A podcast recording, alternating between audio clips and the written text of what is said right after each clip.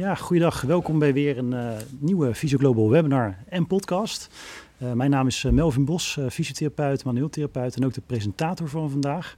Voordat we de sprekers ook zullen introduceren aan jullie aan, als kijker of als luisteraar, wil ik nog eventjes een conflict of interest aangeven. Ik ben nu ook aspirant bestuurslid bij de NVMT.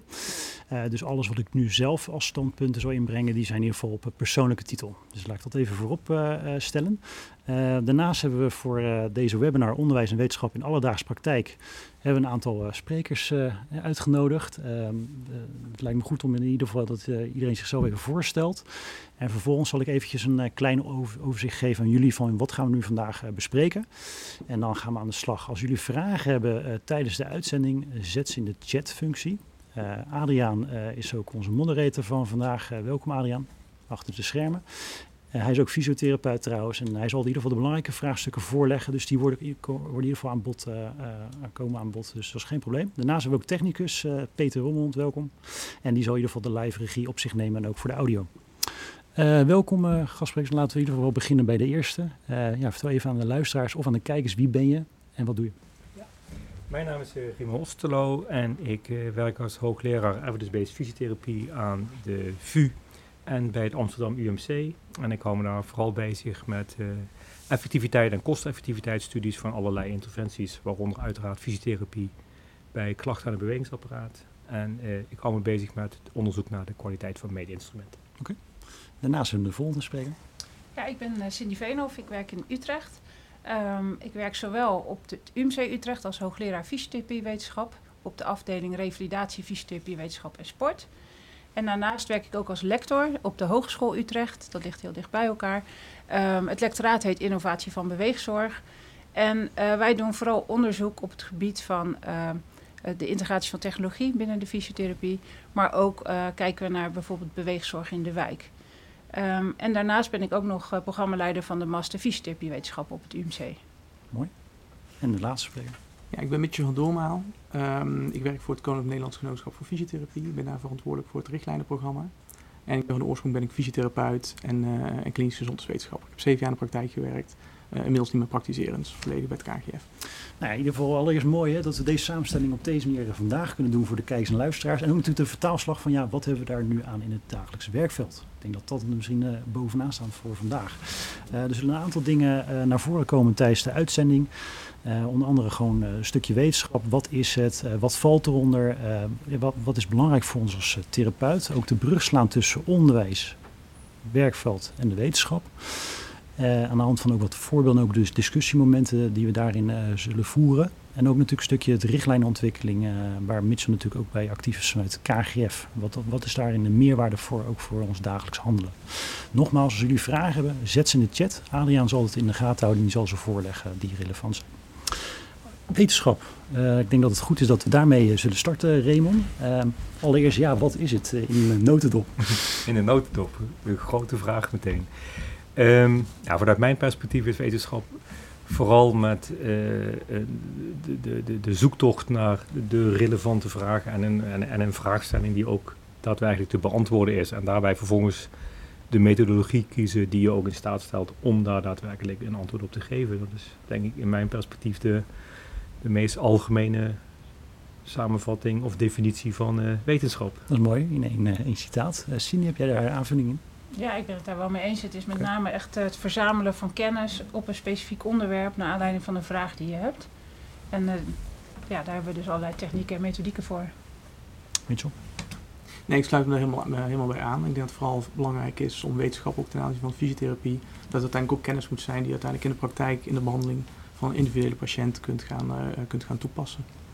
Nou, het lijkt me goed om daar ook een onderscheid in te maken. Dat je verschillende vormen van onderzoek hebt. Waaronder ook het wetenschappelijk onderzoek versus ook het uh, praktijkgericht onderzoek. Nou ja, Cindy gaf net eerder aan hè, dat je acteert als lector uh, uh, bij het lectoraat. Natuurlijk op, op, hbo-niveau en natuurlijk ook daarnaast bij de Universiteit Utrecht. Dus ik denk dat jij daar mooi met jouw ervaring ook een toevoeging kan geven voor de discussie over die verschillen daarin. Ehm, tussen praktijkgericht onderzoek versus wetenschappelijk. En mogelijk ook aanvullingen vanuit Mitchell en. Ja, ik denk dat uh, er zit natuurlijk echt wel een verschil tussen het praktijkgerichte onderzoek en echt het wetenschappelijke onderzoek. Hoewel we ook wel zien dat in de laatste jaren dat het steeds meer naar elkaar toe groeit. Waar van oorsprong de universiteit heel erg gericht was op meer het fundamentele wetenschappelijke vragen. ehm, en de wetenschap heel erg gericht was op kennis verzamelen, was de, zijn de hogescholen heel erg gericht, met gericht op het praktijkgerichte onderzoek, waar meer een probleem oplossen. Een probleem die speelt in de praktijk, de staat centraal. Dat is echt wel een groot verschil. Dus je gaat uit van welke problemen zijn er en hoe kunnen we daar een oplossing voor verzinnen. waardoor de vraagstukken vaak praktijkgerichter zijn. Je wel wetenschappelijke methodieken gebruikt om ze te beantwoorden. Maar daar vaak ook wel wat meer variatie in is. Dat, uh, bij het praktijkgerichte onderzoek heb je een, ook wel een palet van methodieken die misschien in het wetenschappelijk onderzoek nog niet als helemaal volwaardig wordt aangezien. Mhm. daar kan je in het praktijkgerichte onderzoek al wel mee experimenteren. Dus um, ja, er zijn meer de co-design-achtige technieken. Waarbij je dus aldoende ontwikkelt en onderzoek doet en dat ook nog monitort. Dus ik denk dat dat wel een, een groot verschil is. Maar wat ik al zei, het, het, groeit wel wat meer naar elkaar toe. De hogescholen zijn, eigenlijk hebben ze het niveau van, het van de wetenschappelijke methodieken wel steeds wat hoger gelegd.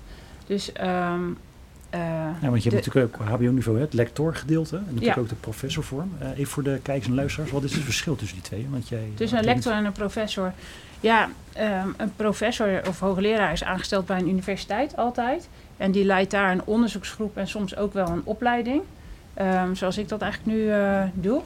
Uh, een lector is ook, die leidt ook een onderzoeksgroep, alleen die leidt dat op een hogeschool. Waar dus, uh, en dan kan je je voorstellen dat op een hogeschool is de verbinding met de beroepspraktijk heel erg belangrijk, want er worden beroepsprofessionals uh, opgeleid. En net zo goed is de verbinding met het onderwijs heel erg belangrijk, omdat het onderwijs op de hogeschool plaatsvindt. Terwijl op de universiteit vaak ook wel die, juist die fundamentele kennis en de crossovers met allerlei andere expertise die binnen een ziekenhuis of een universiteit aanwezig zijn, uh, veel meer uh, wordt nagestreefd. Dus waardoor je veel meer vaak de verdieping echt krijgt in onderwerpen, de, de, echt die wetenschappelijke kennis. Terwijl ik op de hogescholen juist meer die verbinding met al die partijen uh, heel erg centraal vind staan. Oké. Okay. Uh, Raymond, uh, werken die twee, kunnen die langs elkaar gaan in het onderzoeksveld? Of, of werkt dat verbindend of juist... Ja, of, ik hoop of, dat ze niet langs elkaar gaan, maar dat het juist inderdaad een integratie is. Want ik denk wat Cindy zegt, dat, daar ben ik het mee eens. En dat dat tegelijkertijd vooral ook dat dat een wat grijzer gebied is, wat dan precies praktijkgericht onderzoek is. En dat dat ook, denk ik als ik naar mijn eigen onderzoekslijn kijk, dat dat gaat heel sterk over het ja, denk toch wat meer de modderige werkelijkheid van uh, de klinische praktijk, waarin je eh, probeert een antwoord te geven op de vraag bijvoorbeeld welke interventie het beste is of welk meetinstrument je het beste zou kunnen gebruiken. Um, en dat sluit heel nauw aan bij de praktijk ook. En als ik dan bijvoorbeeld met mijn collega's praat die meer in de labsetting werken, ja, die halen dan hun wenkbrauwen wel eens op over de meetmethodes bijvoorbeeld die wij gebruiken omdat het wel beter aansluit bij de praktijk en dat je hun mooie laboratoriumopstellingen natuurlijk voor praktijkgericht onderzoek ja, niet zo goed kan gebruiken. En ik denk dus voor een, ja, dat, het, dat er behoorlijk wat overlap, of dat het een grijs gebied eigenlijk is, dat je van de ene kant echt het, ja, denk eigenlijk het wetenschappelijke labgebonden, uh, allerlei high-tech metingen, et cetera, onderzoek hebt. Aan de andere kant denk ik wat Cindy zegt, inderdaad, het, het echt een, een lokaal probleem proberen op te lossen op dat moment en hoe je dat dan doet. En daartussenin zit denk ik ook een heel grijs gebied, uh, uh, ja, wat je dan praktijkgericht onderzoek noemt, wat zowel op een universiteit, uh, maar ook op een HBO. dus de definiëring echt in duidelijke kamers kun je niet zo stellen? Nee, nee ik, meer ik heb samen met uh, collega Veen of begeleider een aantal promovendi okay, die vanuit de, de hogeschool wel ook promoveren bij een universiteit. En dat, ik denk dat dat wel illustreert dat dat een heel grijs gebied ook is. Ja. Uh, heb je hier aanvulling op, uh, Mitchell? Nou, uh, ik denk dat het vooral ook heel erg goed op elkaar aansluit. Je ziet dat het praktijkgerichte on onderzoek ook niet zonder het fundamentele nee. onderzoek kan. Hè. Je kunt niet direct beginnen met een heel wat praktijkgericht onderzoek zonder dat je die, die wat diepere wetenschappelijke basis eigenlijk gelegd hebt. En anderzijds heb je eigenlijk niet zo heel veel aan het hele fundamentele onderzoek op het moment dat het geen toepassingen kent in de praktijk. Dus volgens mij sluit het naadloos op elkaar aan en moet je ook niet te veel willen zoeken naar waar nou precies de grens zit tussen het fundamentele onderzoek en het uh, toegepaste onderzoek. Het gaat vooral om dat je het allebei nodig hebt. Oké. Zijn er al vragen uit de chat, uh, Adrian? Oké, als jullie vragen hebben als kijker, stel ze in de chat. Dan kunnen jullie altijd op dit moment uh, tussendoor voorleggen aan de sprekers. Dus daar is ruimte voor, geen probleem. daarnaast natuurlijk ook het stukje voor, voor de werkende therapeut. je hebt natuurlijk verschillende subgroepen, ook daarin natuurlijk, van over, over wetenschap. Van ja, de, de een acteert altijd evidence-based op basis van wat er recent gepubliceerd is. En is daar intensief mee bezig elke maand, bijvoorbeeld met PubMed of andere research database. Maar er is natuurlijk ook een die, ja, die daar wat sceptisch in is. Hè misschien mogelijk in de loop van de jaren natuurlijk ook met de klinische, op, klinische expertise, die opbouwstherapeut ook mogelijk wat minder uh, zich daarop inzet. Wel, wat is de meerwaarde uh, voor die werktherapeut dat het wetenschappelijk onderzoek wordt verricht voor het werkveld? uh, ja, ik, ik, val even stil inderdaad, omdat ik me bijna niet kan voorstellen dat je de meerwaarde niet ziet. Um, ik weet zelfs toen ik opgeleid werd als fysiotherapeut dat we nog uh, knijpse begietingen en uh, het beruchte klapje kriesvervaren uh, onderricht kregen. Um, het blijkt inmiddels wel dat dat allemaal misschien methodieken zijn die inderdaad echt vooral in het museum thuis horen. En dat komt er voor een heel deel. En niet alleen, maar ik denk ook dat mensen op een gegeven moment in de praktijk zien dat bepaalde dingen gewoon weinig vooruit gaan boeken of gewoon lastig toepasbaar zijn of niet meer acceptabel zijn. Ik denk vooral aan het klapje kriesvervaren waar je volgens mij geen patiënt meer mee moet aankomen om uh, met kussentjes op knieën en ellebogen door de revalidatiecentra te kruipen.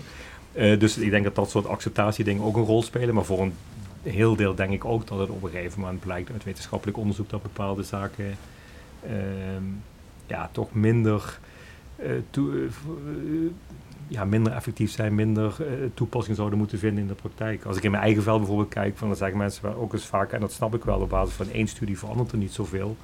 Maar denk vooral bij lage rugklachten dat je toch, als je het over een termijn bekijkt van de afgelopen 15 jaar of zo, 20 jaar, is er toch een enorme switch geweest van toch veel passieve interventies. Uh, en dat studies hebben aangetoond dat bijvoorbeeld bedrust en dat soort zaken ja, weinig zinvol is bij rugklachten. En dat je nu inderdaad 20 jaar later misschien wel doorschiet in alleen maar actief behandelen. Um, dus dat zijn enorme shifts die nogmaals mede geïnitieerd en ondersteund worden door wetenschappelijk onderzoek. Dus dat lijkt me wel een uh, belangrijke meerwaarde. Uh, Mitchell van Doorma gaf ook aan in RCT, in de voorbereidingen, dat er ook unimodale interventies worden onderzocht. Maar ja, dat je natuurlijk als therapeut vaker ook multimodel acteert. Ehm, ja, hoe, hoe kunnen we dat ehm, tackelen met die resultaten daarvan van zo'n RCT? Ja. ja, is altijd een ingewikkelde discussie. Hè? Want um, eigenlijk wil je hier gelijk onderzoeken wat is de toegevoegde waarde van een bepaalde behandelmodaliteit op je totale behandeleffect. Maar als fysiotherapeut, je past natuurlijk nooit één specifieke interventie toe. Het zijn altijd is het, een, een uh, het zijn verschillende interventies die je tegelijk eigenlijk toepast. En daarmee hoop je een bepaald resultaat te behalen. Wat je nu ziet is dat nou, bepaalde, bepaalde RCT's, bepaald wetenschappelijk onderzoek zich richt op de effectiviteit van een specifieke eh, een specifieke behandelmodaliteit. terwijl het eigenlijk niet helemaal raakt aan wat je eigenlijk in de praktijk doet. Waarbij je juist de verschillende zaken eigenlijk bij elkaar pakt. Um, dus je zou kunnen zeggen dat zo'n onderzoek staat eigenlijk wel erg ver van wat je in de praktijk doet. Nou, wat je gelukkig wel steeds meer ziet, is dat je ook meer onderzoek ziet waarbij juist die verschillende behandelmodaliteiten bij elkaar gepakt worden en een totaal plaatje eigenlijk onderzocht wordt. Dat sluit natuurlijk veel dichter aan bij de praktijk, hoewel dat natuurlijk ook weer een nadeel heeft, omdat je niet precies weet welk onderdeel van je behandeling nu eigenlijk het meeste effect heeft. Misschien zitten er juist wel onderdelen tussen die weinig toegevoegde waarde hebben. En dat is altijd een beetje het spanningsveld, denk ik. Tussen, hè, moet je nou specifiek voor één behandelmodaliteit gaan onderzoeken of moet je nou juist het totaalplaatje Wat zou je willen adviseren voor de kijkers uh, die in het werkveld uh, werkzaam zijn? Ja, ik denk, nou, ja, nou, adviseren voor de kijker. Ik denk dat het, um, ik denk qua, qua waar, onderzoek... Waar liggen accenten? Ja, nou, ik denk qua onderzoek ook hierbij. Ik denk dat je het beide nodig hebt om, um, uh, om goed zicht te krijgen op wat, wat je als fysiotherapeut als meerwaarde kunt, kunt hebben. Dus enerzijds denk ik inderdaad dat het belangrijk is om te onderzoeken wat jouw totale behandeling, wat je kunt betekenen voor een bepaalde patiënt met een bepaalde diagnose of een bepaald gezondheidsprobleem. Maar anderzijds dat je ook op het moment dat je weet dat je effectief bent als therapeut, dat je wel wat dieper op in zult moeten gaan. En welke aspecten leveren nou eigenlijk de meeste effecten op, zodat je ook weet dat je daar als therapeut het meeste op zou moeten richten. Oké, duidelijk. Uh, er was natuurlijk een tijd geleden ook in Fysiopraxis een artikel uh, van uh, François Masson en Edwin de Rij. een van de punten die ook naar voren kwam is RCT's zouden meer extern valide moeten zijn en praktijkgericht. En zo makkelijker vertaald kunnen worden naar de alledaagse praktijk. Dan is, hij, is mijn vraag natuurlijk ook van ja, wat vinden jullie van, van deze uitspraak ook, wat betreft dit stuk? Ja, dat is een beetje wat Mitchell natuurlijk Mitchell, nu net ja, ja, ja. eh, aangaf. Dat, dat juist die variatie denk ik heel erg goed is. Precies. Dat je, dat je zeker, het is niet alleen maar de, de interventie die je toepast, maar het is ook nog eens bij welke groep doe je dit. Dus er vindt heel vaak een selectie plaats van een bepaalde patiëntengroep. En ehm, is dat dan de juiste patiëntengroep die je ook in de praktijk tegenkomt, of moet je dat breder pakken? Dus, dus vooral al die overwegingen van ehm, hoe breed neem je een interventie, eh, ehm, hoe breed neem je de populatie, dat ligt natuurlijk heel erg aan de kennisvraag die je wil beantwoorden. En ik denk ook dat het juist voor fysiotherapeuten dus heel belangrijk is als ze een artikel lezen of een stuk lezen, dat ze in ieder geval proberen te beseffen en te begrijpen, eh, is hier nu een stukje van de behandeling onderzocht? Wat voor vraag staat hierachter? En bij wat voor populatie is het dan onderzocht? Zodat ze in ieder geval het kunnen plaatsen met wat ze ermee in, in de praktijk kunnen. Het is, ja, wetenschap is wat dat betreft één grote puzzel en iedereen probeert daar verschillende stukjes van te beantwoorden. En al die Zit- zit- stukjes. Zitten daar ook mogelijke belemmeringen op dit moment in het werkveld? Dat er soms nog eh, te weinig accenten op liggen voor de therapeut, hè, de werktherapeut? nou, ik je daar denk dat, mogelijk wat meer naar kunnen moeten, zou moeten kijken? Nou, ik denk dat voor de werkende therapeuten er sowieso, er, is, er wordt zo ontzettend veel geschreven en zoveel gepubliceerd. Wij, wij zeiden net ook al tegen elkaar, al- alleen al in ons, ons eigen vakgebied, dan zijn wij er dagelijks mee bezig, is het niet bij te houden hoeveel artikelen wel niet gepubliceerd worden. Dus eh, dat, nou, dat is voor, een praktijk, voor iem- iemand die de hele dag bezig is in de praktijk, is het natuurlijk niet bij te houden. En dat kan je ook niet verwachten. Dus, dus ik denk dat daar voornamelijk de uitdaging ligt. Hoe, hoe zou, hoe je zou dat nou- getackeld kunnen worden? Wat, wat zou een vormgeving kunnen zijn? Eh, Nou ja, ik weet dat het KGF bijvoorbeeld al echt heel erg bezig is met hoe kan je nou kennis uit het wetenschap dichter bij de praktijk brengen. Dus, Ja. dus er worden allerlei tools ontwikkeld om, om in ieder geval eh, de praktijk te helpen de kennis toe te passen. Eh, maar da- ook dat zijn dan wel weer de stukjes van kennis. Dat is nooit helemaal compleet. Soms zie je ook en- verzamelingen, hè, dat er bijvoorbeeld periodiek door partijen eh, een, een overzicht wordt gegeven. Ja. Een samenvatting van, eh, over een bepaald onderwerp. Nou ja, de systematic reviews, de meta-analyses, dat helpt heel erg als je in ieder geval een vraag hebt bij een effectiviteit van een interventie. Er zijn toch nog er zijn nog veel meer vragen dan alleen maar een effectiviteitsvraag. Eh, maar als dat het is, dan, dan zijn dat soort mooie samenvattende studies. Ja, en natuurlijk de richtlijnen. De, de richtlijnen worden niet voor niks. Eens in de zoveel tijd wordt er een update gedaan, zodat de nieuwste kennis in de richtlijnen komt. Ja, en, Dat stuk eh, zullen we inderdaad ook zeker eh, zo meteen ook de revue laten passeren. En uiteindelijk in het laatste deel zullen we alles gezamenlijk aan elkaar koppelen. Ik zie dat de, de ziekenhuisfysiotherapeut op staat, de moderator Adriaan. En mogelijk dat er ook een vraag is vanuit de chat van een van de kijkers. Ja, dat klopt, eh, Melvin. We hebben een eh, vraag van eh, Edwin de Rij. Edwin de Rij. En die stelt zijn vraag precies op tijd, want we haken een beetje in op wat Cindy net zegt. Hij vraagt eigenlijk, ja, wetenschap die kent wel een bepaalde hiërarchie in de methode van wat eigenlijk als, als het meest betrouwbaar of het, het beste wordt beschouwd. En zijn vraag is eigenlijk, ja, welke methode of design is nou eigenlijk het beste voor de, de praktische uitvoerbaarheid in, in de klinische praktijk? wij weten al wat hij zelf, eh, denk Ja, ik... hij eh, vindt zelf vindt de single case design, denk ik. En dat Ja. heeft natuurlijk ook eh, gelijk in in eerste instantie. Maar dat hangt wel, denk, ik denk dat het ook heel sterk afhangt van wat weet je al in een bepaald veld. Als je al weet dat bepaalde interventies of combinaties van interventies eh, effectief zijn bij een bepaalde groep, dan is dat misschien eh, wat minder relevant. Op het moment wat Mitchell net aangeeft dat je wat meer de diepte in wil gaan en meer wil experimenteren, bijvoorbeeld of je dan zo'n interventie nog verder kan verfijnen. Ik denk dat dan single case designs eh, eh, heel erg informatief kunnen zijn. Dus Ja, kortom, het beste design is wat mij betreft het design wat je het beste in staat stelt om een antwoord te geven Dus het is ook een op je hele concrete vraag om wat dus terug het te gaan. contextafhankelijk misschien. Ja, nee, en, en, precies. en de vraag in Nee, precies. We zeggen erbij. terug Ja, naar ja, het eerste punt inderdaad. Van ja, uiteindelijk begint het allemaal met wat, wat is de vraag inderdaad hier.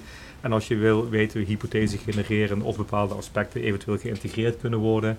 Ja, dan zou ik niet meteen een multimillion dollar trial gaan loslaten daarop. Maar dan is misschien het met een 10, 15 mensen een single case design eh, veel verstandiger om eens mee te beginnen. Interessant. Ik zie Ja. dat Cindy eh, actief ging zitten. Mogelijk, Ja, eh, nou, nee, nee, nee, ik ben het daar helemaal mee eens. Alleen hetgene wat dan het nog complexer maakt in de keuze van een design, is dat we soms door de buitenwereld eigenlijk gedwongen worden om bepaalde designs te kiezen. Dus bijvoorbeeld zorgverzekeraars, die willen heel vaak wel eh, zien aan de hand van een RCT dat iets eh, effectief is. En eh, dan is dat misschien soms voor de vraag te beantwoorden niet het meest relevante design, maar dan is het om andere redenen, wordt het wel gedaan omdat er dan bepaalde kennis komt. En nou ja, zeker als we kennen natuurlijk heel veel discussies over vergoedingen, dan is dat heel vaak een vereiste van tevoren dat het in een RCT is aangetoond. Dus, Dus enerzijds heb je te maken met de vraag die je wil beantwoorden en anderzijds ook wel de De, context de waarin je het die ook nog een rol spelen. ja, de het stakeholders spelen daar ook nog een rol in. Ja. En, eh, ehm, ja, dat, en dat, dat heeft echt wel veel invloed op keuzes die gemaakt worden ook.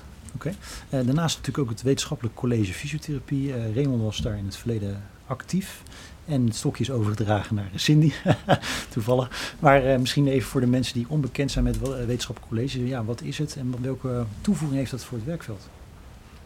Nou, ik Het zou eh, lid, als, eh, als beginnend lid zou ik een aftrap doen naar Raymond, eh, die vult mij eh, aan. Eh, nou, de, ja, de missie of nou, hetgeen wat het wetenschappelijk college fysiotherapie doet, is echt eh, ondersteuning bieden natuurlijk in het eh, onderzoek. Dus ze hebben geld, ze geven subsidies, eh, zodat onderzoekers eh, onderzoek kunnen doen op het gebied van de, de fysiotherapie. Eh, ze zijn actief in het maken van de onderzoeksagenda. Eh, ze stimuleren onderzoekers in het geven van een prijs. Een proefschriftprijs wordt elk jaar eh, uitgereikt. Er wordt een eh, dag van de Wetenschappelijk College Fysiotherapie georganiseerd voor de wetenschappers in de fysiotherapie. Dus het is echt heel erg het bijeenbrengen van onderzoekers en ook het ondersteunen van onderzoekers. Oké. En daarnaast hebben ze een soort adviserende rol. En als het anders is, moet jij maar eventjes verbeteren, maar richting het KNGF in hun wetenschappelijke beleid. Oké, dus ook het eh, waarborgen van. Nou, dat is wel meer adviserend. Dus dat is dan toch wel, da- daar heeft KGF daar zelf ook nog wel een, eh, ja, die bepalen zelf uiteindelijk wel wat ze doen, maar Oké. eh, ehm, adviserend is het wel. Oké, duidelijk. Ehm, en is, is er ook nog een rol weggelegd voor praktijken of voor therapeuten om er mogelijk ook nog te participeren hè, voor naar het wetenschappelijk college toe qua informatie? Of, of waar kunnen mensen meer informatie vinden over dit, dit stuk? Op de Ehm, website. ja, sowieso op de website eh, kunnen mensen meer informatie vinden. Oké. Ehm, ja, ik denk dat dat het belangrijkste is. Oké. Ja, en ook één ding misschien ook wel goed om te, om te benoemen. Want je, je noemde net eigenlijk al de, de onderzoeksagenda. Hè, die, ook, eh, nou, die zal binnenkort ook weer geüpdate gaan, eh, eh, gaan worden. Daar is juist ook de bedoeling natuurlijk om juist de vragen ook uit het werkveld eigenlijk op te halen. En dat daar, eh, in- dat, dat eh, een invulling krijgt in de onderzoeksagenda. Dus op die manier zie je juist ook dat die connectie tussen Dus wat er in de praktijk voor, gebeurt en eh, waar vragen van zijn, dat dat juist ook richting de, de onderzoekswereld op die manier gecommuniceerd wordt. Dus juist die connectie met het werkveld is ontzettend belangrijk, ook voor het wetenschappelijk college. Ja, zeker. Ja, zeker. Oké. Ja, en er is een vertegenwoordiger van de beroepsvereniging. De, ik vergeet iedere keer precies hoe het heet. Beroepsinhoudelijke De vereniging. beroepsinhoudelijke vereniging, ja, excuus. Eh, maar er is ook een vertegenwoordiger vanuit die beroepsinhoudelijke vereniging die ook vaker geraadpleegd wordt om bepaalde eh, ja, zaken uit het beroepsveld op te halen. Waar bijvoorbeeld knelpunten zitten, waar het WCF iets mee zou kunnen of moeten inderdaad. Zijn er nog vragen uit de, de chat, eh? Geen vragen, dan gaan we door. Ik wil nog wel Eh, één klein puntje aanvullen. dat is natuurlijk ook de disclaimer. Ik was lid van het WCF, inderdaad. Maar ik denk wel dat het belangrijk is om, om ook te zien dat het WCF wel steeds serieuzer eigenlijk als partner genomen wordt, ook in de wetenschappelijke wereld. In de afgelopen jaren er ook eh, met Son en W, dat is toch een van de grootste financierders van het onderzoek in Nederland, dat er joint ventures zijn gesloten, waardoor eh, het geld van de leden eh, verdubbeld is. Waardoor we niet twee, maar maar liefst vier studies hebben kunnen uitvoeren. Oké, Maar ook dat er bijvoorbeeld met Reuma Nederland ook zo'n joint venture gesloten is.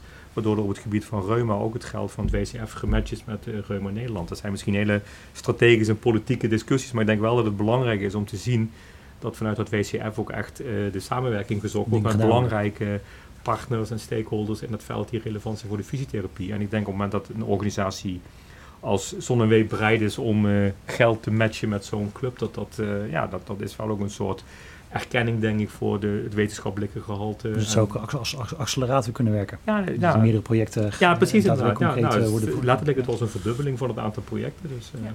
Altijd goed. Eh, dan, nou, dan gaan we door naar het volgende gedeelte, het onderwijsstructuur. En ook natuurlijk welke toevoegingen dat kan hebben voor het werkveld. Eh, je hebt natuurlijk verschillende dingen. Eh, De, de BAMA-structuur, zoals iedereen hem tegenwoordig kent. De bachelor, de, de master.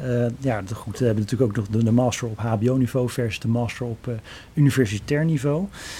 Promoveren natuurlijk. en natuurlijk naar uiteindelijk mogelijk lector, lectoraat of als professor. Laten we eerst starten met de differentiatie tussen ja, de bachelor fysiotherapeut die afgestudeerd is versus de master HBO-niveau eh, gespecialiseerde therapeut. Wat zijn eigenlijk qua competenties en kunde, wat zijn, waar zitten de, wat zijn de verschillen? Cindy. Nou ja, die verschillen, eh, dit zijn discussies die natuurlijk heel veel gevoerd worden. Dat, en die soms ook nog wel gevoelig kunnen liggen. Maar eh, de, de bachelor fysiotherapeut, dat is, dat is natuurlijk een vierjarige opleiding, een hbo-opleiding. Als je het beroepsprofiel van de fysiotherapeut bekijkt, eh, eigenlijk alles wat daarin staat voor competenties, dat is de bachelor fysiotherapeut. Dat is het niveau wat de bachelor zou moeten kunnen verrichten. En dat is dus eh, werkzaam zijn als fysiotherapeut. En Ehm, eh, kritisch kijken wat hij wel of niet doet bij welke patiënt. En ook kritisch kijken wanneer hij iets niet kan en wanneer hij misschien hulp in moet schakelen van collega's of andere professionals. Als je dan naar de professionele master kijkt, ehm, die krijgen extra competenties natuurlijk. Dus een extra driejarige opleiding uh, waar uh, competenties zijn op het gebied van wetenschappelijk vlak, maar ook echt heel erg het beroepsinhoudelijke vlak. Uh, op het vlak van visie ontwikkelen, van innovatie. En um, de competenties die deze fysiotherapeuten, masterfysiotherapeuten hebben, zijn dus heel erg gericht op het innoveren van het vak. Maar ook wel um, dat ze complexere patiënten, dus de echte complexe patiënten uh, binnen. Nou, we maken eigenlijk altijd een beetje in ons hoofd een piramide van uh, de algehele groep, nou, noem maar populatiepatiënten. Uh, met steeds complexere klachten. En die bovenkant, dat is echt wat die master fysiotherapeut, die is daar echt voor opgeleid om, om die bepaalde groep te kunnen behandelen. Nou, dan zijn er altijd nog wel eens discussies tussen de master en de bachelor, waar dan die grens zit in die piramide.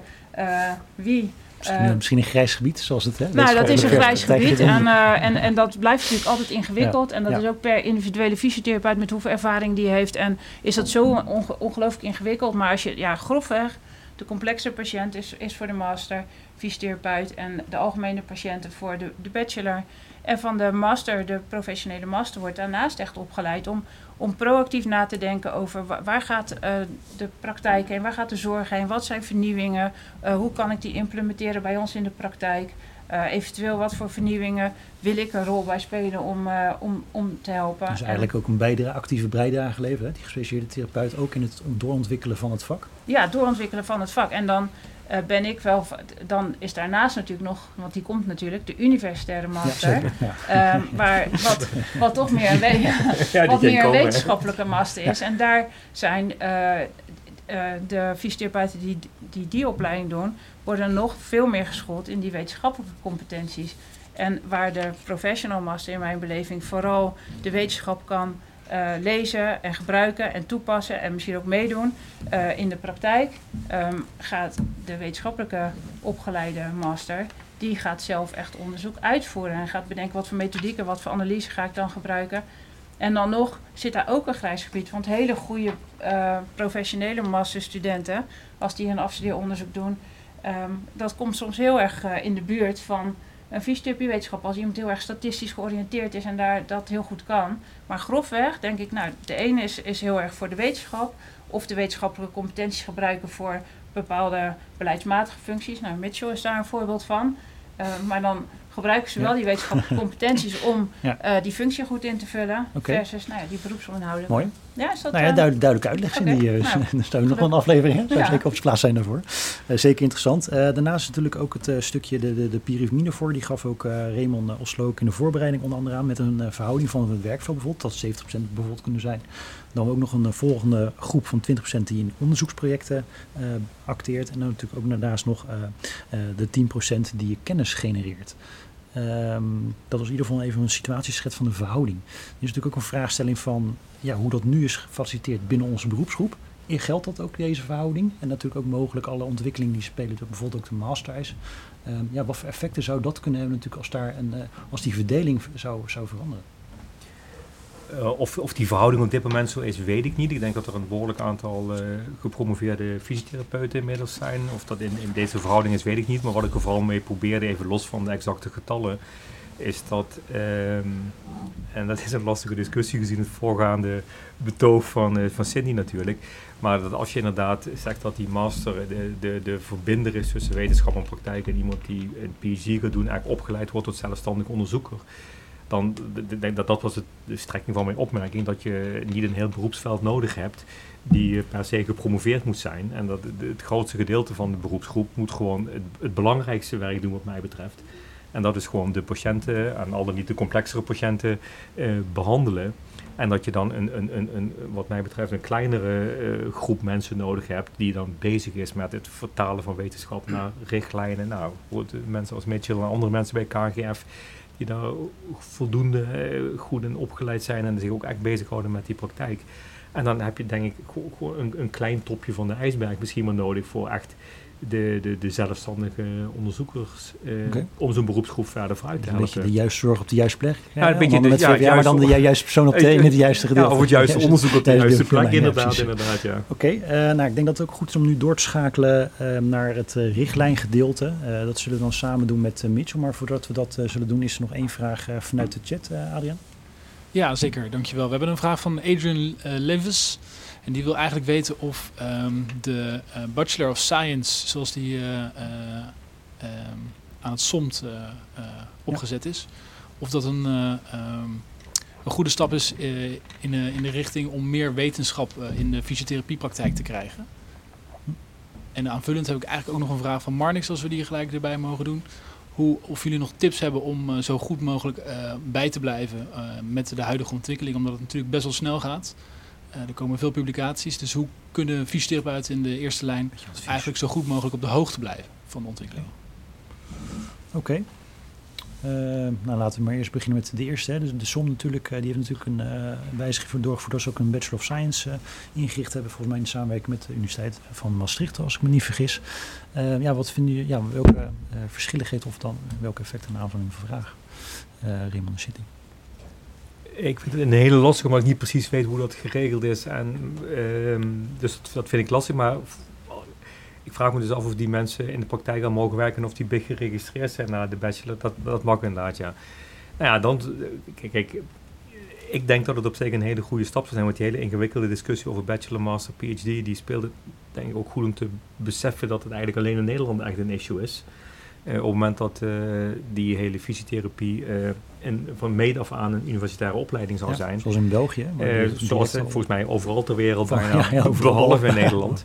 Ehm, eh, Kun je je af, ja, want je kan je afvragen van waarom zitten bijvoorbeeld eh, bepaalde opleidingen. eh, ik bedoel, basisarts worden, dan word je ook geen wetenschapper. Dus dat zit Zo- veel meer in traditie en cultuur dat dat wel universitair is en de paramedische beroepsgroepen niet. Maar het probleem is natuurlijk op het moment dat je dan, eh, ja, op het moment dat de fysiotherapie naar de universiteit gaat, dan wil de logopedie ook. En dan krijg je hele ingewikkelde discussies. En dat is volgens mij waarom dat nog niet gebeurt.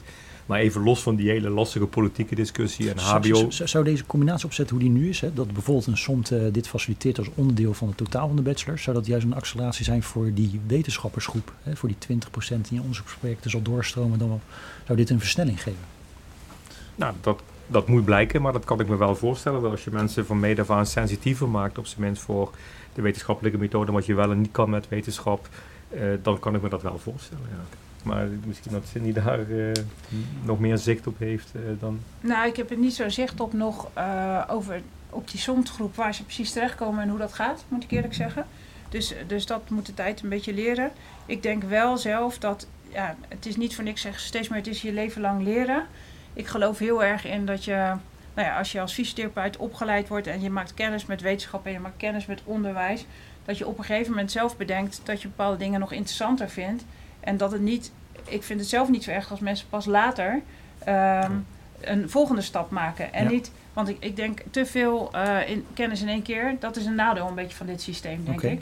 Ehm, terwijl als je later een opleiding doet terwijl je die interesse heel erg hebt, dan, dan dus kan je juist dat de weer- inrichting voor de lange termijn Ja, ook faciliteren. en dan kan je bedenken, wil ik meer een verdieping, eh, een professionele master, wil je een universitaire master? Nou ja, ehm, maar voor sommige mensen is, is dit pad ook prima. Dus ik denk juist, nou, we zijn bezig met gepersonaliseerde zorg.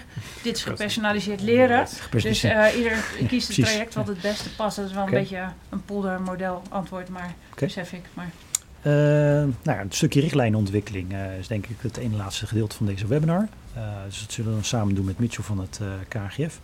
Ehm, ja, een stuk in de chronologie van richtlijnontwikkeling zijn natuurlijk eh, in het verleden de, behoorlijk eh, wat richtlijnen gepubliceerd en natuurlijk ook doorontwikkeld. Ehm, zoals je bijvoorbeeld ook eh, natuurlijk in het verleden had, eh, de, de, de kansrichtlijn bijvoorbeeld, eh, staat mij nog bij in mijn studententijd. Ik heb er een eh, subtitel bij, kansrijk of kansloos. Dat had vooral natuurlijk te maken met enerzijds mijn eigen standpunt, maar ook van andere collega fysiotherapeut. Van ja, eh, de, de relevante informatie die je natuurlijk ziet van ja, hoe toepasbaar is dat hè, voor, voor het werkveld. En natuurlijk ook als je kijkt in de loop van de tijd zie je daar echt wel degelijk dat daar een soort van doorontwikkeling is. Uh, ik denk dat het goed is, uh, om even kort aan te geven uh, ja, hoe dat wordt gedaan vanuit KGF. Ja. En volgens dat we gewoon een paar uh, voorbeelden voorleggen. en ook de onderbouwing daarvan, ja, wat, wat, wat zegt deze richtlijn hè? en wat, wat, wat, maakt deze anders dan die andere en waarom? Wat is belangrijk ja, daarbij? Nou, ik denk dat het goed is om heel eventjes terug te komen op wat, waar, het, waar we straks door ging het al even een beetje richting, de, richting de richtlijnen. Um, het is inderdaad, een, een, richtlijn is enerzijds een heel goed middel om ook inzicht te krijgen van wat zegt nu eigenlijk de meest recente literatuur over, uh, over bepaalde onderwerpen. Dus daar is het al... Is een uitgestelde antwoord op de vorige vraag. Als, als, als, tip van hoe kun je het beste blij blijven. Ik denk dat je niet met iedere studie uh, moet aangrijpen om iets anders te gaan doen. Omdat dat iets meer inderdaad uh, verstandig kijken, is om... kijken naar de... Ik denk niet de alleen richtlijnen hoor, maar dat kunnen ook artikelen in een fysiopraxis zijn of andere ja. tijdschriften waar je dat dat manieren ja. zijn om goed bij te blijven. Oh, sorry. Uh. Maar, nou, prima. Um, uh, nou, dat is dus enerzijds waar een richtlijn goed voor is. Maar anderzijds doet de richtlijn natuurlijk nog wel meer dan alleen het samen van literatuur. Het maakt vooral de, de vertaalslag naar hoe dat je die literatuur kunt gaan toepassen in de praktijk. Um, nou, en dat is denk ik een hele grote meerwaarde van wat, wat een richtlijn doet. Dus laat ik zien hoe dat je die wetenschappelijke kennis, en soms is het niet eens wetenschappelijke kennis, maar kan het ook juist kennis zijn die op basis van consensus uh, uh, is, is samengesteld, okay. hoe je dat eigenlijk in de praktijk brengt. Als je kijkt naar het verleden, Mitchell, hè, hoe dat ooit was ingericht vanuit KGF, dan wat nu, wat, wat zijn de verschillen met hoe ja. dat vroeger is gedaan? Ja. nou kijk, als je, een, als je echt een heel stuk terug gaat kijken, dan zie je eigenlijk dat richtlijnen veel meer eigenlijk op alleen consensus-based eigenlijk ontwikkeld werden. Dus eventjes werd dan dus even heel kort door de bocht. Zet een aantal wijze heren en dames bij elkaar in de kamer. En er komt uiteindelijk komt er een richtlijn uit. Nou, die tijd zijn we echt al wel een heel stuk beetje voorbij. in een soort van werkgroepniveau. Precies, dat is eigenlijk waar het een beetje vandaan okay. komt. Hè? Maar dan, dan heb je het dus echt over tientallen jaren terug. Nou, sindsdien is het um, is flink doorontwikkeld en wordt er veel meer, wordt het, um, de systematische samenvatting van de, literatuur, die wordt veel meer leidend eigenlijk in de, in de richtlijnontwikkeling. En nou, de richtlijn KANS, hè, waarbij jij ook aan, uh, aan refereerde, daar zie je ook dat dat het, het, samenvatten van het samenvatten van die literatuur en aanbevelingen opstellen als directe uitvloeisel van de literatuur. Je ziet dat dat er heel erg nog in terug zit. Oftewel, hoe meer literatuur dat er is, hoe sterker dat de literatuurconclusies zijn, hoe sterker dat de aanbeveling over het algemeen ook, uh, uh, ook is. En dat is op zich is dat, dus ik hem niet, uh, de, voor die tijd, dat was ook op dat moment was dat de, de meest leidende vorm van richtlijnontwikkeling. Dus dat is op zich ook helemaal niks, daar is niks mis mee. Wat je wel ziet, is dat de laatste jaren zie je dat er veel ontwikkelingen zijn, ook internationaal op het gebied van richtlijnontwikkeling. En dan zie je dat veel meer juist het praktijkgerichte dat er steeds meer uh, uh, in komt. Dus dichter bij de praktijk staan. En hoe... Doe je praktijkgericht de richtlijn voor de, de lezende therapeut of praktijkgericht onderzoek wat uh, Nee, voor de, okay. nee het, het, het, het, eerste. Dus echt ja. voor de, dat het voor de therapeut, okay. dat je als therapeut zijn echt iets aan hebt in jouw klinische praktijk. En dat zie je dus bijvoorbeeld terugkomen in dat de, de onderwerpen die geadresseerd worden in de richtlijn ook komen vanuit een knelpuntanalyse die juist met het werkveld uitgevoerd wordt. Dus je, we proberen ons steeds meer specifiek te richten op de, de zaken die er echt te doen voor, uh, voor fysiotherapeuten en minder op de punten waar bijvoorbeeld al consensus over is. Ja. En we proberen ook juist ook met het werkveld de, uh, uh, nou, de literatuur te, te beoordelen, maar ook juist die extra overwegingen met elkaar te bespreken en ook bijvoorbeeld patiëntperspectief erin te brengen om daadwerkelijk tot aanbevelingen te komen. Dus het is geen directe vertaling meer van de literatuur, maar het is echt het, samen, het samenpakken van enerzijds de wetenschappelijke literatuur, anderzijds de klinische expertise van, van therapeuten en anderzijds het patiëntperspectief. Oké, okay. zijn er nog vragen uit de chat, uh, kijkers? Als er nog vragen zijn, zet ze in de chat. Adriaan zal in ieder geval die selecteren en ook uh, voorleggen tijdens de uitzending. We gaan er namelijk het laatste deel in, dus uh, als je nog vragen hebt naar aanleiding wat je eerder hebt gezien of geluisterd hebt, geef het even aan in de chat en dan zullen we dat in ieder geval voorleggen. je gaf net ook, of je gaf in de voorbereiding gaf je ook aan, Mitchell, met de KGF-richtlijn knie-heupartrose ook andere als ter voorbeeld. Uh, wat, wat, maakt die dan weer uh, anders ten opzichte van het verleden? Ja. Nou, dat is bijvoorbeeld eigenlijk wat, wat ik net al aangaf. Hè. Dus veel dichter eigenlijk bij de ja. praktijk. Meer richten op de vragen die in de praktijk specifiek leven. En dus een hele nauwe betrokkenheid van het werkveld. Als je uiteindelijk kijkt naar het einde van de richtlijntraject, dan zie je dat er echt tientallen en tientallen therapeuten bij het project betrokken zijn. Of in de voorbereidingsfase, of in de ontwikkelfase, of in de commentaarfase. En dat is volgens mij heel erg sterk.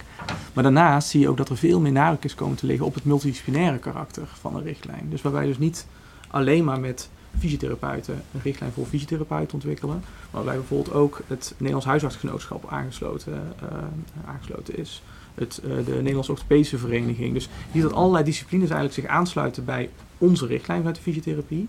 En dat is hartstikke mooi, want dan zie je dus ook dat op het moment dat de richtlijn verschijnt, dat die ook aansluit bij uh, de standpunten vanuit de orthopeden en vanuit de huisartsen. Uh, of we hebben juist op, op die manier ook mogelijkheid om het beleid van orthopeden of huisartsen ook iets te beïnvloeden daarin. Okay. En dan zie je dus ook dat bijvoorbeeld bij de richtlijnen van de huisartsen en de orthopeden, dat er ook die aansluiting juist weer gezocht wordt bij de fysiotherapeutische Oké, richtlijnen. Het werkt ook verbinden met andere stakeholders eh, in dat vlak, eh, Cindy. Ja, ik vind, wat ik ook wel mooi vind, wat echt wel veranderd is in het hele richtlijnproces, is dat er veel meer nadruk is komen te liggen op de implementatie ervan. Dus waar daar vroeger ook minder aandacht voor was, wordt er nu heel goed nagedacht over hoe kunnen we nou een nieuwe richtlijn implementeren in het veld. Want dat is natuurlijk wel een hele grote uitdaging. Je kan een hele mooie richtlijn hebben, maar je wil ook nog dat mensen het überhaupt lezen en, en ook nog toepassen. En, ehm, mooi, mooi natuurlijk voor dit moment ook. Hè? Om ook inderdaad te kijken van hoe kun je dat faciliteren met die doorstroming van die driehoek. Hè, waar we net even kort eerder als voorbeeld eh, aanhaalden. Eh, als kleine sidestep tussendoor eh, gaf Raymond ook eerder aan over dataverzameling bijvoorbeeld. Hè. Je ziet natuurlijk tegenwoordig veel over artificial intelligence. En, ik zie ook steeds meer webinars online voorbij komen over data, big data. En ook natuurlijk welke, welke meerwaarde dat zou kunnen hebben. Of juist niet. Ehm, je wilde daar nog in ieder geval een punt over, eh, over eh, ja, meegeven op die dataverzameling bij dat soort ontwikkelingen.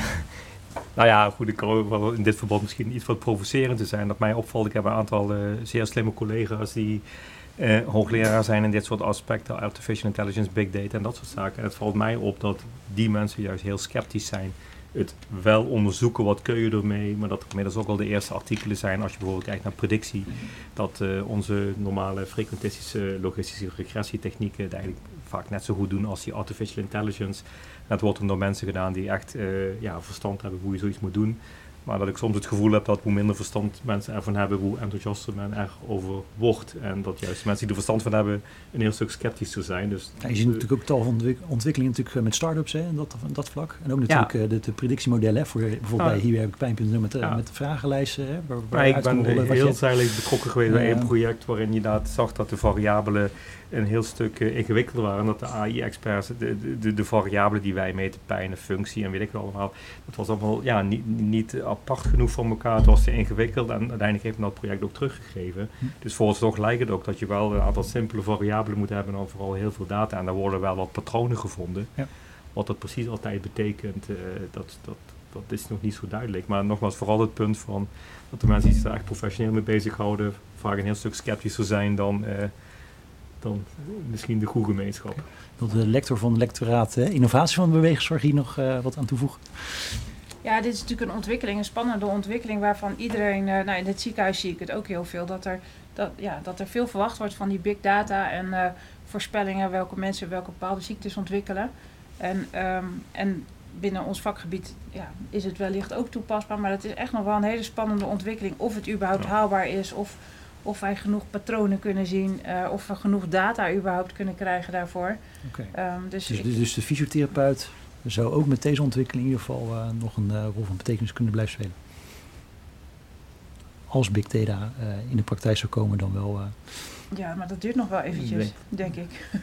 Mijn advies aan de praktiserend fysiotherapeut zou zijn, is om zich vooralsnog niet al te druk te maken over ja, artificial precies, ja, intelligence. nou, dat is in ieder geval een geruststelling. de dit academische discussie de, de komende jaren is te Ja. laten voortgaan en te kijken wat eruit komt. Oké, eh, dan gaan we nu in ieder geval naar het laatste gedeelte van de, van de uitzending. Ehm, het leek ons goed om in ieder geval eventjes eh, ook de discussie eh, te laten spelen van eh, driehoek. Hè, dus hoe kunnen die, die kennis goed doorstromen vanuit het onderwijs, wetenschap en het werkveld. Hoe we die verhouding daar onderling in ieder geval kunnen optimaliseren. In vergelijking met hoe het nu ook in de dagelijkse praktijk gaat. Ja, ik denk het mooie, dat heeft Mitchell natuurlijk ook al een paar keer belicht, is dat de beroepspraktijk sowieso veel meer nu betrokken wordt bij allerlei projecten, bij het formuleren van de onderzoeksvragen, de onderzoeksagenda, eh, meedoen in onderzoeksprojecten. En dat geldt eigenlijk ook eh, voor het onderwijs. Dus die driehoek wordt al heel erg geslagen door ehm, op, eh, nou dat gebeurt dan op een HBO heel duidelijk, door studenten te betrekken bij onderzoeksprojecten, door les te geven over onderzoeksprojecten. Er zijn, zijn de beroepsprofessionals van de toekomst al veel meer bezig met wat de rol van wetenschap kan zijn voor de beroepspraktijk. Je probeert dat eigenlijk al eerder te integreren in Ja, het onderwijs al. Je probeert in onderwijs echt al op het niveau van de studenten, maar ook door, ehm, door bij projecten eh, docenten mee te laten doen, zodat de docenten het in het onderwijs weer mee kunnen nemen. En zo een integratie te maken dat de kennis eh, of vraagstukken vanuit het onderwijs eh, binnen het lectoraat komen, of ehm, andersom, dat docenten meedoen en studenten meedoen, waardoor ze dus al van, ja zeker die studenten, gewoon op die manier worden opgeleid. En eigenlijk gebeurt hetzelfde dus met de beroepspraktijk, dat de beroepspraktijk veel meer wordt betrokken bij dit soort projecten. En dan moet ik meteen denken aan zo'n vraag die net kwam van ja, hoe kan ik nou die kennis eh, die allemaal verzameld wordt. Hoe kan ik dat in vredesnaam bijhouden?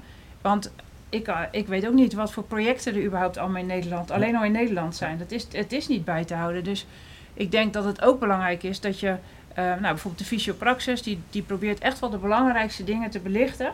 En, en aan te geven dat dat is in ieder geval een blad waar, waar, wat je kan kijken. Dus eigenlijk naar, naar plekken waar, hè, waar dat verzameld wordt of besproken Naar verzamelplekken. En ik denk ook wel dat je gewoon keuzes moet durven te maken. Dus je kan als fysiotherapeut kan je niet op alle aandoeningen en op alle soorten interventies kan je alle literatuur bijhouden. Maar uh, bedenk waar je nou echt expertise wil opbouwen en ga daar dan de tijd en moeite in steken om die verdiepingsslag, om wat meer te, te lezen natuurlijk dan alleen de fysiopraxis, want die wetenschappelijke studies en die reviews, dat, dat kan ook heel veel uh, bijdragen.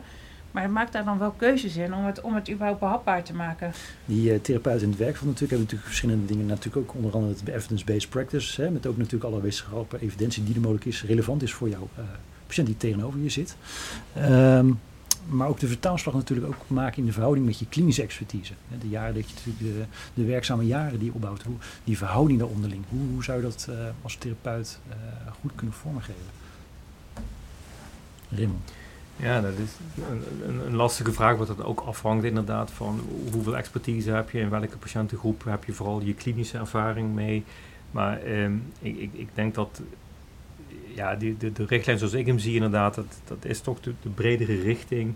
Want uh, zoals Mitchell al aangaf, heel veel uh, vraagstellingen die komen uit de praktijk voor. En we weten, ondanks uh, samen nog wel een aantal richtlijnen mogen werken, dat zie je gewoon dat je een aantal vragen die uit de praktijk komen, die zijn niet 1, 2, 3 met, en rechtstreeks met wetenschappelijk onderzoek te, te behandelen. Dus dan krijg je vanuit zo'n richtlijn vaak toch de grotere richting mee. En ja, je hebt je klinische expertise volgens mij altijd nodig om in wijsheid de richtlijn toe te passen. Of in alle wijsheid met argumenten toch een wat andere weg in te slaan, omdat die ene patiënt die voor je zit toch net wat afwijkt of bepaalde kenmerken heeft die jou dwingen tot een wat andere keuze. En ja, hoe die verhouding precies moet liggen, daar valt volgens mij lastig een algemene uitspraak over Grijs te doen. gebied.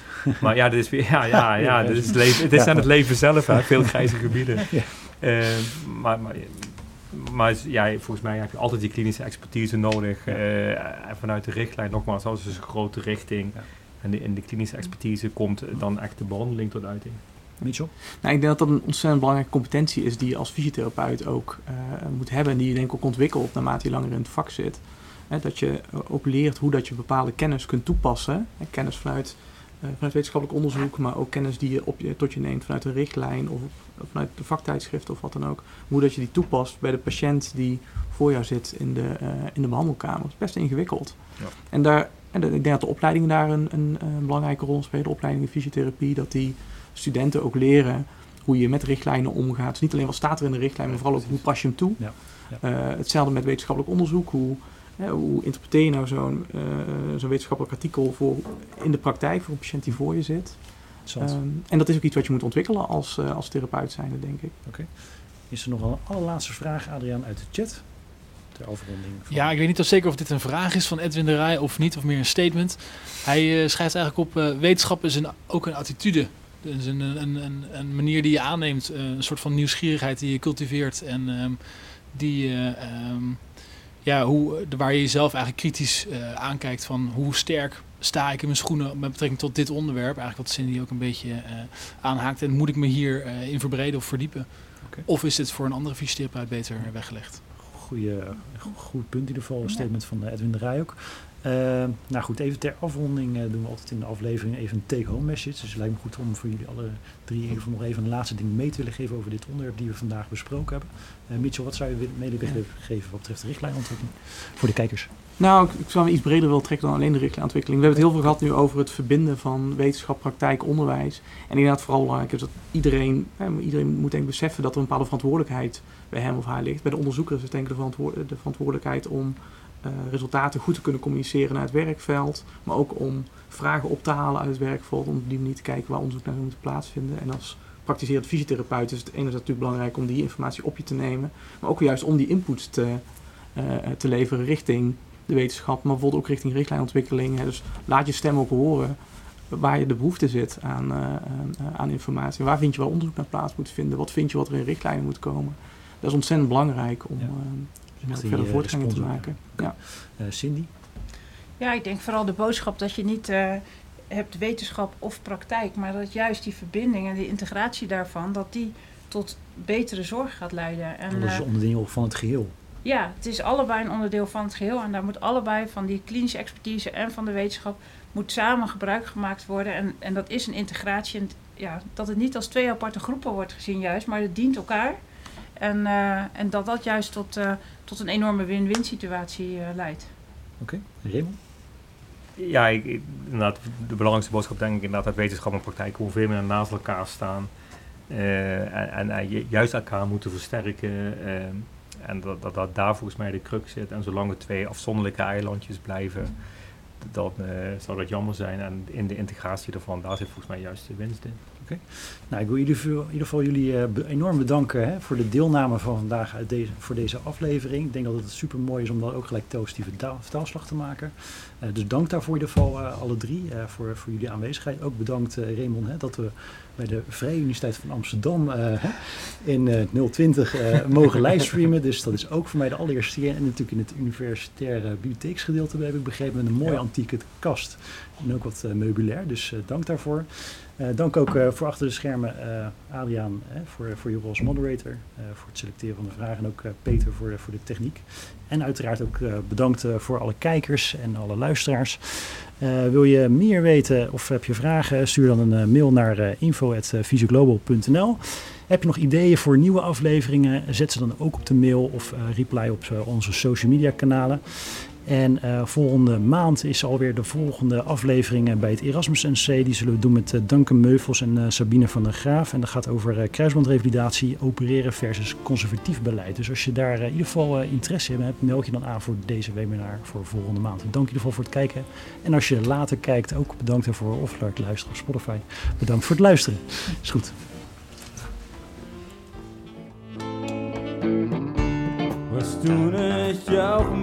Hier oder denkst du so, dass du nicht auch im Park spazierst?